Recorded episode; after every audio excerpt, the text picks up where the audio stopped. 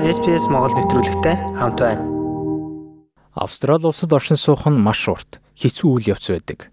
Шилжих хөдөлгөөн хариуцсан агентаар ажиллах болсон Конго улсын дөрвөгч Blaise Itaboloгийн хэлж буйгаар англи хэлний сайн мэдлэгтэй хүмүүс визээ өөрөө мэдүүлэх боломж нээлттэй байгаа ч бүртгэгдсэн агентийн оролцоотойгоор өөрчлөлт авчиж чадна гэв.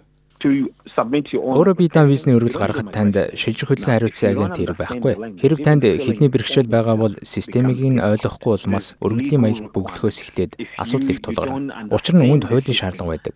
Заримдаа чамаас юу шаардлагатай вэ гэдгийг ч ойлгохгүй байх нь бий. Энэ л асуудлын гол нөө гэж боддгоо. Дөрвөгсдөд зөвлөгөө олгох нийгмийн үйлчилгээний хилцс буюу RACS нь санхүүгийн хүндрэлд орсон болон эмзэг бүлгийн оргонол хүсэгчдэд зориулж үн төлбөргүй хуулийн зөвлөгөө олгож дэмжлэгээр хангахын зэрэгцээ төлөөллийн үйлчилгээ үзүүлдэг. Хэрэг өргөдөл гаргагчийн визний хүсэлд татгалцсан хариу авсан бол тухайн иргэн хэд хэдэн шат амжилтыг ашиглах боломж бийгдгийг тус байгууллагын өмгөөлөгч төвийн менежер Сара Дейл хэлсэн юм. Тэрээр орогнол хүсэгчдийн хувьд энэхүү хуулийн төвөгтэй систем донд зүг чигээ олохын тулд албан ёсны хуульчаар төлөөлүүлэх нь нэн чухал гэдгийг онцолж байв.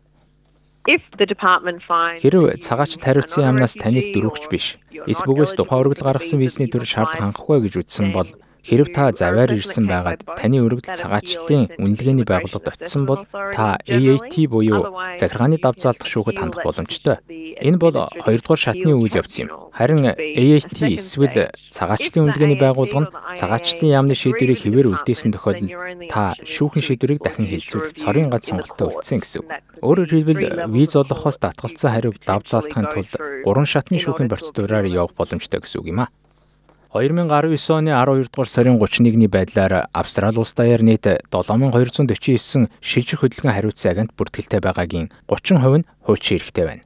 Эдгээр агентууд нь дотоод хэргийн яамны харьяа шилжих хөдөлгөөний агент бүртгэлийн газар буюу Омарагийн удирдлагаар зохицуулагддаг. Шилжих хөдөлгөөний хуульд оруулсан саяхны өөрчлөлтөөр хуульчин эрхтэй хүмүүсийн хувьд цагаачлалын тусалцаа үзүүлэхийн тулд заавал шилжих хөдөлгөөний агентийн бүртгэлтэй байхаа болсон.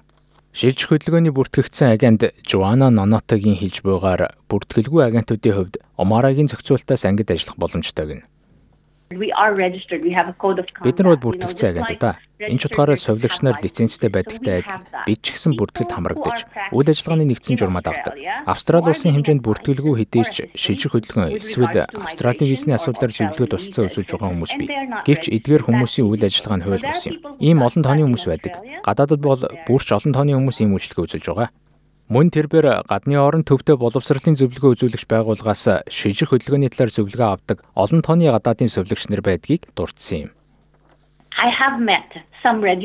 Нэг жил нь 35 мянган долларын өртөгтэй 3 жилийн курс сурах хэрэгтэй гэсэн зөвлөгөө авсан лицензтэй сувилагчтай би таарч байсан. Тэд хэлснээр нь сурсны эцэст бүртгэгдсэн сувилагч болсон. Уг нь тухайн хүн үнэхээр шаардлага хангаж байгаа бол 3 сарын курс суугаад лиценз авах боломжтой. Цаашлаа шаардлагатай онооны босгог давж байвал байнгын оршин суугч болж болно. Энэ бол худлаа зүйл биш ээ. Энэ бол зүгээр тэдний боловсрал зарах бизнес юм. Тэдэнд визний талаарх ямар ч мэдлэг байхгүй. Үүнтэй зэрэгцсэн Австрали улсад ажлын байраар хангах баталгаа гаргаж өгдөг хууль бус агентууд байдаг гин. Австрали улсад ажлын виз авахар бол таны мэрэгжил шаардлагатай чадруудын жагсаалтад багтсан байх ёстой. Хэрв таны мэрэгжил тухайн жагсаалтад багтаагүй бол визийн шаардлага хангахгүй гэсэн үг. Гэтэл зарим агентууд тухайн виз хүссэн хүнд ажлын виз гаргуулж өгөх нэрийдлэр аялын визэнд өргөдөл гаргадаг. Ингээд хурц ирээд өөрийгөө ажиллах хэрэггүй мэдсэн үедээ л тэд л өөрдөрснөө ойлгодог. Харин Сара Дэйлийн хувьд бүртгэлтэй агентуудын санал болгож буй үйлчилгээ үнийг харьцуулж үзхийг зөвлөж байна. Луурчид ихэнхдээ виз амжилтаа гаргаж өгнө гэж амладагч ингэж чадах цорын ганц хүн бол цагаачлал хариуцсан сайд гэдгийг тэрээр хэлсэн юм. Ямар ч хуульч, ямар ч агент гээд хинч виз баталгаатай гаргуулж чадахгүй. Хэрв хэн нэгэн үүнийг амлаж байгаа бол миний хувьд тун сэжигтэй санагдах болно.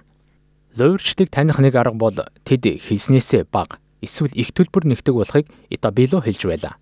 Иймд хамгийн ихний алхам бол тухайн хүний Австрали улсад үйл ажиллагаа явуулах албан ёсны эрхтэй бүртгэлтэй агент эсхийг нь Омарагийн вебсайтаас шалгаж үзэх явдал гин.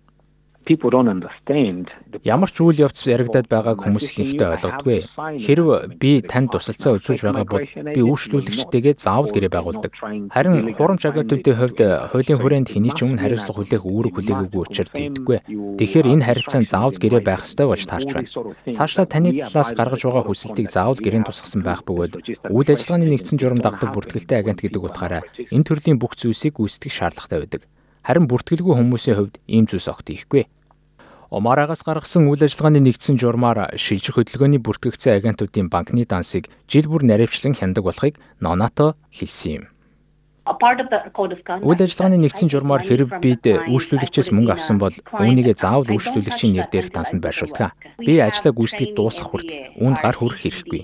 Бүртгэгдсэн агент учраас бид жил бүр хийгддэг мэрэгжил дэвшлүүлэх сургалтын үеэр энэ төрлийн янз бүрийн зүйлсийг заадаг. Харин гадаадд байгаа хүмүүс зөвлөгөө төдий өгчгөөд түүнээсээ ашиг болдог. Гэвч тэд Австралийн хуулийн хүрээнд хариуцлага хүлээх боломжгүй юм. Зарим хүмүүс ёс зүйн агентуудын өгөөж болж байдлаар сонссноо RACS менежер Дэйл ярьж байв. Тэдгээр хүмүүс хураасан бүхний агентийн төлбөртөө зориулсны дараагаар өөр олон нэмэлт зарлуу төлөх ёстойгоо олж мэддэг. Мэдээж хэрэг бүх төлбөрөө барагдуулах хүртэл агентууд нь тэдний баримт бичгийг өгдөггүй. Хамгийн их сэтгэл зовж буй зүйл нь эмзэг бүлгийн хүмүүс. Тэр дундаа бүх зүйлсээрээ дэнчин тавиад ирж буй Австралид оргнол хүсэгчд энэ төрлийн залин тунсаар байгаа явдал юм. Дэйли хэлж буйгаар хэрэг бүртгэгдсэн агенттай нь хангалттай дэмжлэг үзүүлэхгүй. Эс бөгөөс таныг л уурдсан мэт санагдвал омороод гомдол гарах нь чухал гин.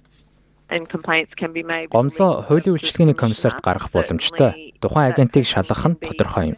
Омарагийн хамгийн сүүлийн тайлангаар шилжих хөдөлгөөний агентуудын эсрэг гаргасан нийт гомдлын 70% нь нотлох баримт хангалттай бос. Эс бөгөөс Омарагийн үйл ажиллагааны харьяанаас ангид гисэн шалтгаанаар цуслагдсан байна. Харамсалтай нь гадаадд үйл ажиллагаа эрхэлж буй хууль бус агентуудын хувьд шилжих хөдөлгөөний агент бүртгэлийн газрын эрх мэдлээс ангид болохыг Ноната хэлж байв. Гадаадаас үйл ажиллагаа эрхэлж буй хэмч хүссэн бүхний хийх боломжтой. Тэдний хувьд оршин суугаа орныхоо хуульд захирагдана. Австрали улсын хувьд тэднийг хянах боломжгүй юм. Бүртгэгдсэн агентуудын үйлчилгээний хөлсөн шинэхэн агент эсвэл цагаачлал хариуцсан хуульч эсгээсээ хамаарч эхний зөвлөгөө нь 100-аас 300 австрал доллараар хэмжигддэг гин. Визний төлбөрийн хувьд ч мөн адил визний төрлөөсөө шалтгаалan харилцан адилгүй байдаг гин. Байнгын оршин суугчийн визний хувьд үйл явц урт хугацаанд буюу 1-ээс 2 жилийн турш үргэлжилдэг учраас 3-аас 50000 австрали долларын хооронд байдаг.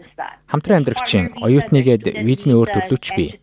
Боловсролын агентуудын хувьд визний талаар зөвлөгөө үзүүлэх лицензгүй учраас ихэнхдээ оюутны визнээс төлбөр авдаггүй. Харин сургалтын төлбөрөөс хувь хэлбэрээр ашиг хүртдэг. Зарим тохиолдолд үйлчлүүлэгчд нь учирч буй тодорхой хүндрэлүүдээс улбаалж зөвлөгөө үзүүлэх төлбөрөө хөнгөлдөг болохыг Итабило хэлсэн юм. Миний мэдих зарим бүртгэгдсэн агентууд болон би хүртэл зарим үед хөнгөлт үзүүлэх нь би үйлчлүүлэгчдийнхээ нөхцөл байдалд үндэслэн би тэгж их хүйс аваад байдаггүй. Учир нь энэ төлбөрийг тэд төлж дийлэхгүй гэдгийг бид мэддэг болохоор тохируулж ханддаг. Мөн зарим зүйлсийг тодруулж мэдснээр би зарим зардлаа явцын дунд нөх боломжтой болтгоо.